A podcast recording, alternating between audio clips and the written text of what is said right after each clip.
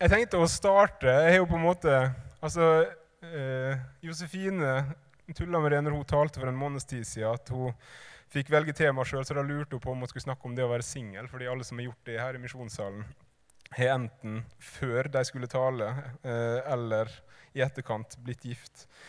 Um, men eh, når jeg skal snakke om eh, å gifte seg, eller å finne den en skal gifte seg med, jeg lurer på, er det en sånn motsatt greie? da? Jeg på en måte Kommer jeg til å gå fra å være singel til å være enslig etter dette her? Det gjenstår å se. Eh, men jeg tenkte at vi kunne starte litt sånn lettbeint med eh, datingtips fra Singelmann31. Fordi det er noe som folk eh, kan, kan, trenge, tenker jeg, å få litt eksperthjelp eh, i datinga si. Og jeg veit i hvert fall en del ting som ikke funka. Eh, eh, og her er det ei lett blanding eller sånn, jeg, jeg, står for alle disse tipsa, men eh, det er en lett blanding av hvor på en måte seriøse de er. Det første er veldig seriøst. Eh, og det er noe jeg håper dere tar med dere. Ikke oppsøk det kristne fellesskapet først og fremst for å finne deg ei eller en. Det er det første og korte rådet jeg vil gi. Det andre, litt lengre rådet, eller i hvert fall med litt flere deler, er hvis det er noen du syns er søt eller virker uh, grei og spennende, uh, spør deg ut. Uh, for det første, du er ikke på NLM VGS lenger det er ikke sånn at du kan tenke Eller det er veldig urealistisk i hvert fall å tenke at ja, men hvis vi bare henger hver dag over de neste fire ukene, så kan jeg finne ut av det uten å liksom måtte spørre henne eller liksom være så kon konkret. Um, velkommen til det virkelige liv utafor internatskolene, der du faktisk ikke som regel har det sånn at du bare kan henge med ei jente veldig veldig masse uten at uh, noe har blitt sagt, som f.eks. Uh, hei, uh, kunne tenke meg å bli kjent med deg. Skal vi ta en kaffe? Uh, det, sånn fungerer det i det virkelige liv. du som fant deg noen på enten NLMVGS eller bibelskole, du veit ingenting om å leve. for det andre, det er veldig dumt å være avstandsforelska i ei eller i en når du bor samme plass eller i samme by som den personen. så spør deg ut. For det tredje, eller i det videre, i verste fall får du nei, samtidig som det at du spurte, blir tatt som et kompliment. Med mindre personen er mer dust enn du visste når du spurte. Og i så fall har du jo dodge a bullet. Eh, så du kan på en måte ikke tape ved å spørre noen ut, egentlig. Og så, Dette går stort sett til dere jenter, da, fordi det er ofte sånn at det er dere som blir spurt ut. Ikke tenk at du nettopp har blitt fridd til når noen har sagt 'hei, skal vi ta en kaffe'. Eh, Chances are det betydde 'hei, skal vi ta en kaffe'? Og gutter, eller dere som spør ut, ikke tenk at dere frir når dere spør ut. Fordi det hjelper ikke til å følge det rådet jeg nettopp ga jentene. i hvert fall. Um, og et generelt råd på toppen av det det er dumt tidlig i en datingfase, eller til og med før datinga har begynt, og allerede har gifta seg mentalt. Um, i hvert fall eh, hvis du på en måte har gitt navn til dine to imaginære barn med vedkommende og sånne ting. Ikke gjør det. Eh, spør ut tidlig, og så kan, eh, kan følelsene heller vokse parallelt hos dere begge, istedenfor at den ene er gift og den andre ikke visste at du var interessert engang. Det er en dårlig deal. Så et veldig kort råd igjen, og det her mener jeg fullt ut. Ikke lek med følelsene til folk. Bare ikke gjør det. Så to tips til. Nest siste lytt til dine venner, for ofte kommer de med kloke og gode ting. Men ikke la vennene dine bestemme hvem du skal date eller bli sammen med. Det er ikke først og fremst deg som skal leve med det valget. Eh, det er det du som skal.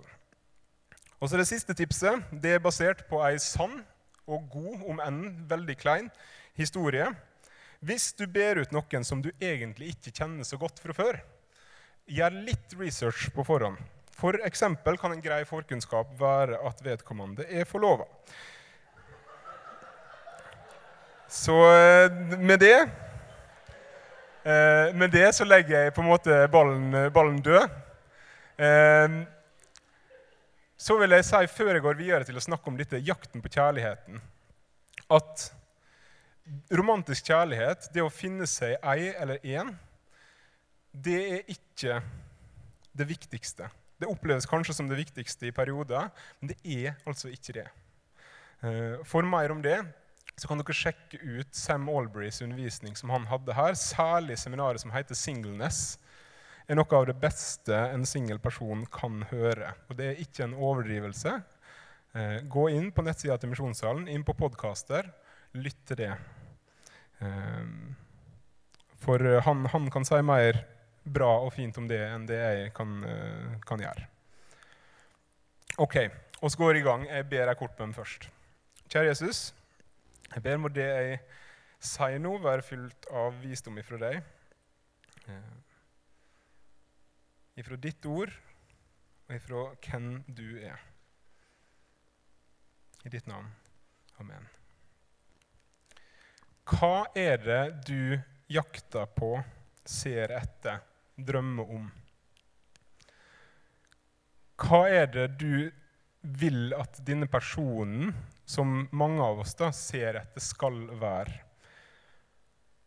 Noe som vi gjerne slenger ut rett som det er eh, dette begrepet 'den rette'.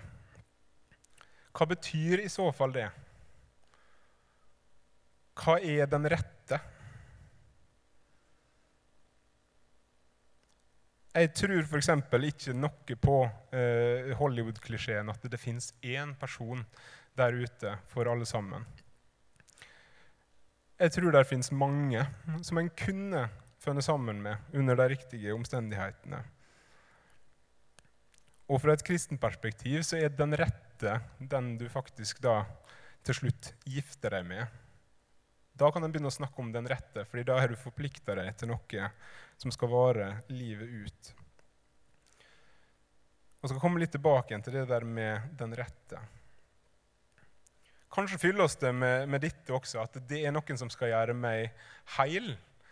At alle mine savn, alle mine lengsler, alt det som jeg føler mangler og ikke er helt på plass, de manglende puslespillbrikkene, der skal hun, eller der skal han, komme inn. Men er det realistisk å legge det på en annen person? Det forventningspresset? Kan den personen noen gang oppfylle det? Være ditt alt, den som får alt til å gå opp? Så levde de lykkelig alle sine dager. Funka ting sånn? Jeg tror ikke det. Og der er en pastor som heter Timothy Keller, som sikkert mange av dere har hørt om, som sier det på denne måten. Putting the weight of all your deepest hopes and longings on the person we love will crush him or her with our expectations. Hva leter du etter? Leter du etter noen som skal være det for deg? I så fall leter du feil plass. For uansett om du er mann eller kvinne, så er det bare én person som kan være det for deg. Og det er Jesus, han som ga seg sjøl for deg. Han som blir omtalt som brudgommen, som skal feire bryllup med sine en gang der framme. Det er kun han som kan imøtegå de forventningene, de håpene, de drømmene, de lengslene. Så ikke leit etter det som skal fikse deg i en framtidig kjæreste eller ektemann eller kone. Ikke leit etter Jesus når du allerede har funnet ham.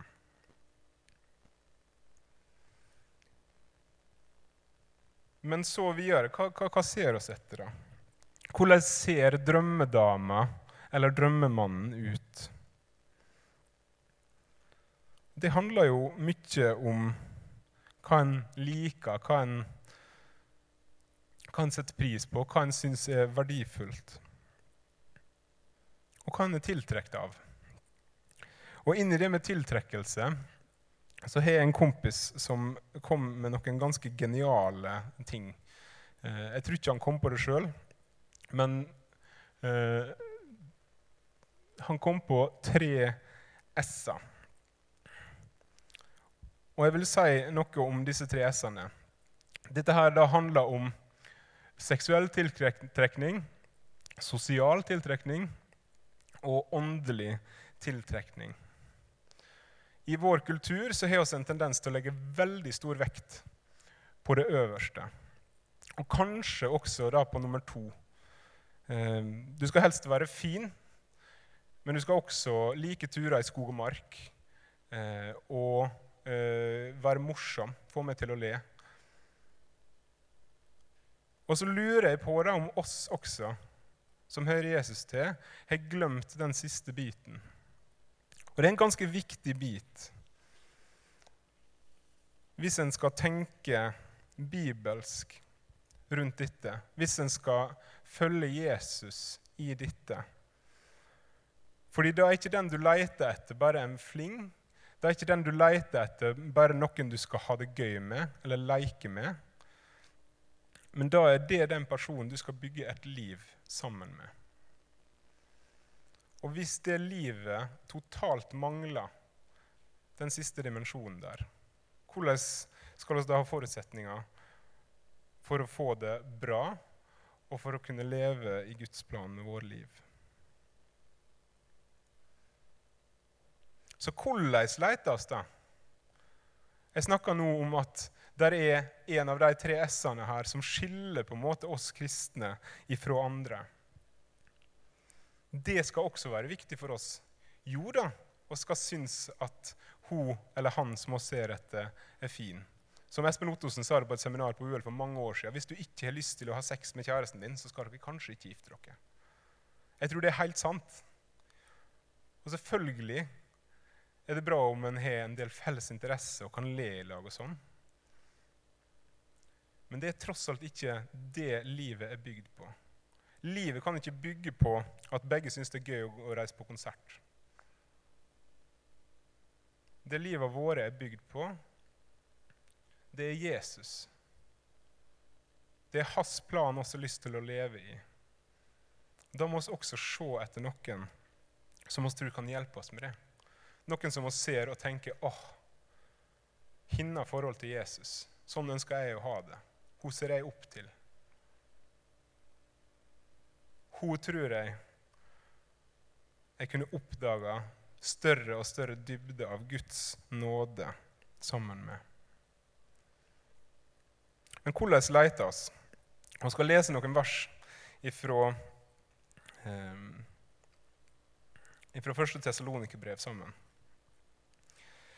I kapittel 4, vers 1-8, så står det sånn.: Ellers, søsken, ber oss dere å legge dere på hjertet i Herren Jesus. Dere er tatt imot og lært av oss hvordan dere skal leve, og være til glede for Gud. Og slik lever dere alt nå. Men dere må gjøre enda større framskritt i dette. For dere veit hva bud og skal dere fra Herren Jesus. For dette er Guds vilje, at dere skal være hellige, så dere holder dere borte fra hor. Hver og en skal vite å vinne seg sin egen kone i hellighet og ære, ikke i sanselig lyst som hedningene som ikke kjenner Gud. Ingen må gjøre broren sin urett eller lure han i dette. Herren straffer alt slikt som vi før har sagt og lagt dere på hjertet. For Gud kaller oss ikke til urenhet, men til et hellig liv. Den som avviser dette, han avviser derfor ikke et menneske, men han avviser Gud, som gir dere sin hellige ånd. Hellighet og ære og et hellig liv. Slik er det oss er kalt til å leite. Men hva ligger egentlig i det? Hellighet, renhet og enhet. Når du leiter etter den rette, for å ta opp igjen det ordet, så skal du gå fram på en måte som du kan gjøre i Jesu Kristi navn. Og du skal gå fram i ære, vise personen som du vinner, som teksten sier, ære. Når vi starter en romantisk relasjon med et annet menneske, så er ikke det et leketøy. Det er et annet menneske som skal vises respekt, som skal få plass og rom, og som skal behandles som det det er. Guds kjære barn, skapt i hans bilde. Er det ikke rom for å ha det gøy når en sier det på den måten? Jo, selvfølgelig. Men det er ikke rom for å leke seg med den andre personen sine følelser. Det er ikke rom for å vanære den andre personen.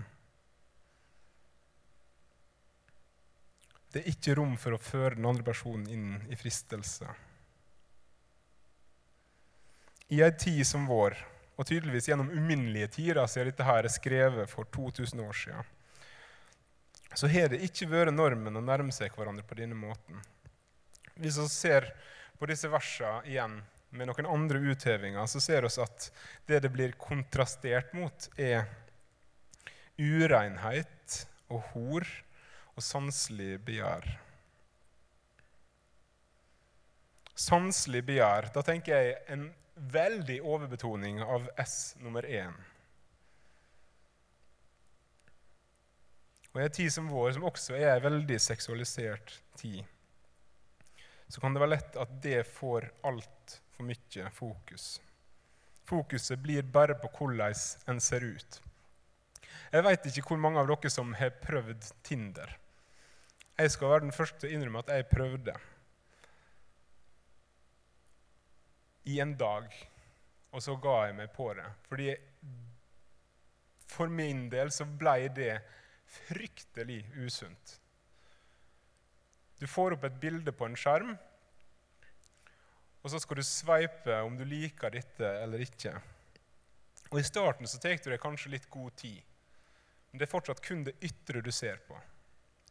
Men etter hvert som tida går, bilder kommer opp, så går det fortere og fortere. Du vraker en person i løpet av et halvsekund. Sånn tenker jeg at det ikke skal være.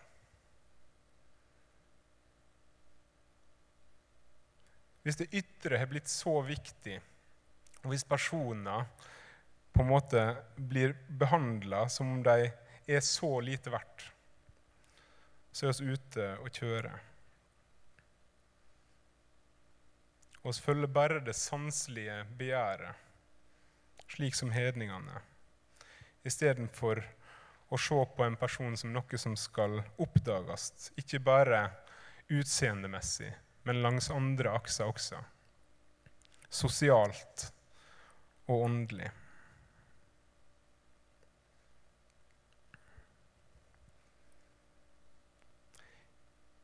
Vi skal gå videre til en annen tekst som står.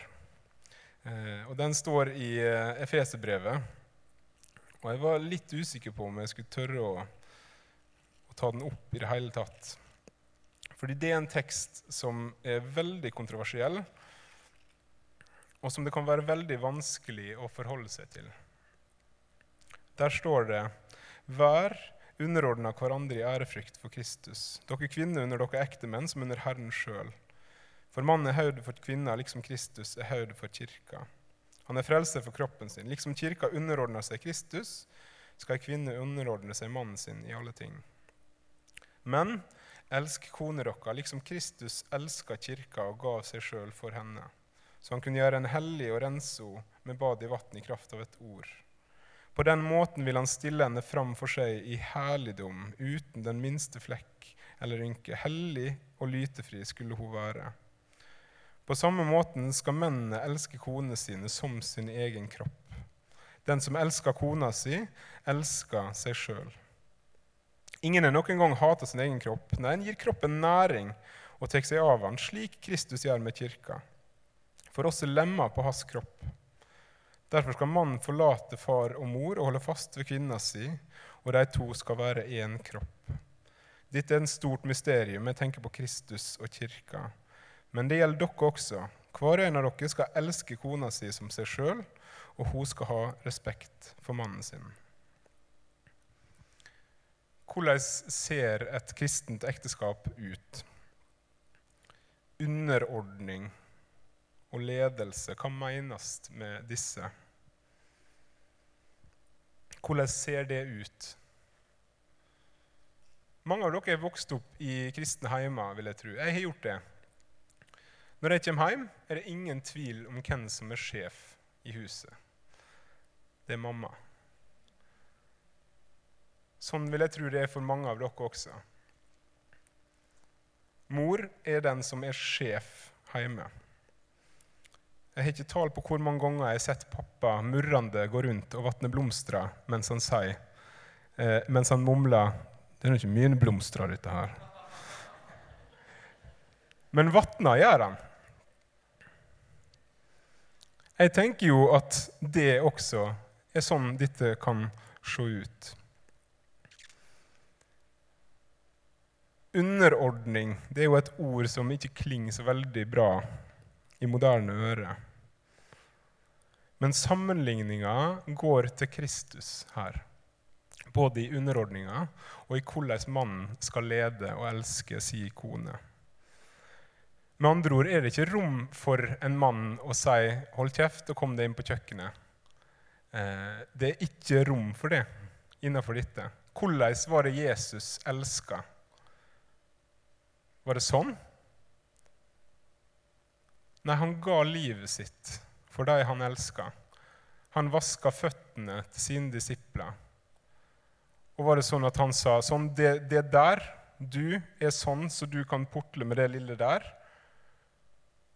Nei, disiplene til Jesus fikk stor tillit og fikk lov til å vokse som menneske og bli mer og mer og mer lik han som de fulgte etter, og mer og mer og mer lik den personen som de var skapt til å være.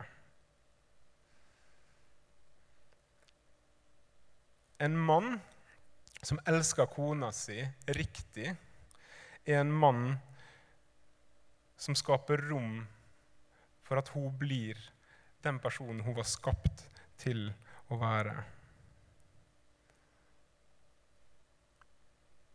Og hva er så ei kone som underordner seg? da? Hva, hva, hva skal en tenke om det? Jeg skal ikke begi meg ut på altfor mye der. Men jeg vil si dette. Du mann, har du funnet deg ei god kone, så elsk og ær hun sånn som du lover. Og les disse versene og ta dem inn over deg i hvordan du skal være med henne. Og du som har funnet deg en god mann, les disse versene og tenk Mannen min prøver å ligne på Jesus. Kan jeg hjelpe ham med det? Det betyr ikke å holde kjeft når han sier noe dumt eller sjåvinistisk eller grusomt. Da har du fullt lov til å kalle han en idiot. Men hvis en går inn i det med et utgangspunkt om at her kniver som makta Uansett om det er mann eller kvinne som tenker det, så har en ikke forstått disse versene riktig. For to blir til én. Det skjer noe mer enn bare to mennesker har sex eller to mennesker bor i lag. Sånn som Bibelen snakker om det, så er det dypere enn det. To blir til én. Er det fortsatt to personer? Ja, men det er en ny enhet. Det er nye hensyn å ta. Det er nærere, tettere, mer intim relasjon. Og den kjærligheten den skal peke på noe større og bedre enn seg sjøl. Den kjærligheten den skal peke på Guds kjærlighet til oss. Det gjelder for mann og kone de skal for hverandre peke på Jesus. Hvis du gifter deg, så er det antageligvis ingen person som kommer til å ha mer å si for ditt åndelige liv herifra og til du dør, enn den du er gift med. Kjærligheten deres er også et vitnesbyrd til andre. For når dere elsker hverandre, når dere virkelig elsker hverandre, så sier det noe til verden rundt om hvem Gud er, om hvem Jesus er,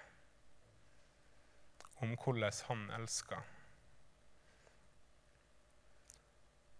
Og Derfor er det så viktig at vi tenker gjennom hva er det jeg ser etter, hva er det jeg lengter etter, hva person er det jeg vil ha.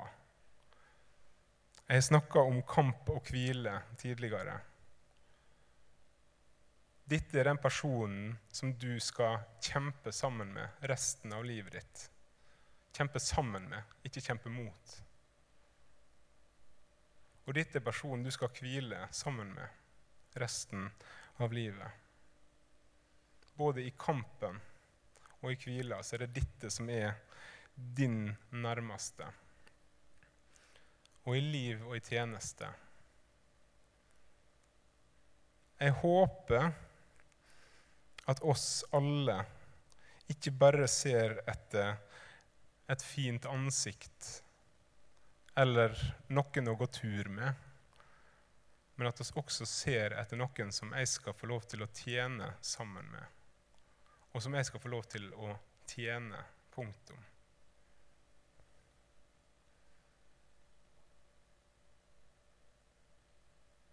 Kjærligheten mellom to mennesker, mellom mann og kvinne, har et enormt potensial for å si noe om hvem Gud er, hvem som har skapt oss, om hva som er skapt til.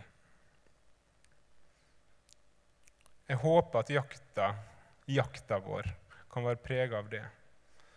At vi ikke bare ser etter det ene, men at vi også ser etter noen som også har lyst til å gå i krigen sammen med og som vi har lyst til å komme hjem til, som vi har lyst til å be sammen med, som vi har lyst til å ha det kjekt i lag med. Alle disse tinga, ikke bare noen av dem.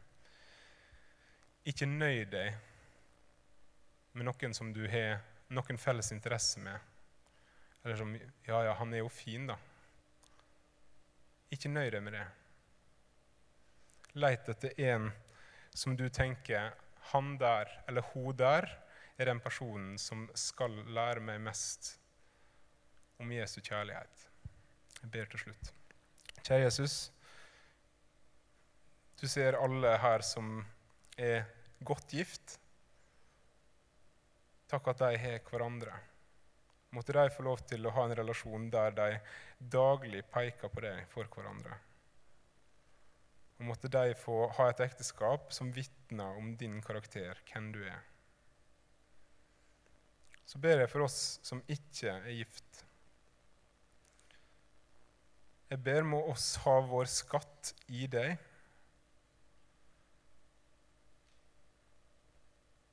Må oss ikke søke etter ting som vi allerede har fått i deg andre plasser. La oss ikke knuse de oss eventuelt måtte møte med undervekt av våre forventninger. Men hjelp oss du til å finne en eller ei som oss kan kjempe sammen med, som oss kan hvile sammen med, som oss kan leve sammen med, og som oss kan tjene sammen med. Må du velsigne oss alle i det. Så takker jeg deg for at du er nok for oss. Jeg ber må oss ikke få en sånn panikk over det at vi ikke har funnet noen som blir altoverskyggende. Men oss aldri få miste av syne det oss allerede eier greie. Vi må også få lov til å ta vare på det kristne fellesskapet vårt. Og bruke den friheten som vi har når vi er single. I ditt navn, Jesus. Amen.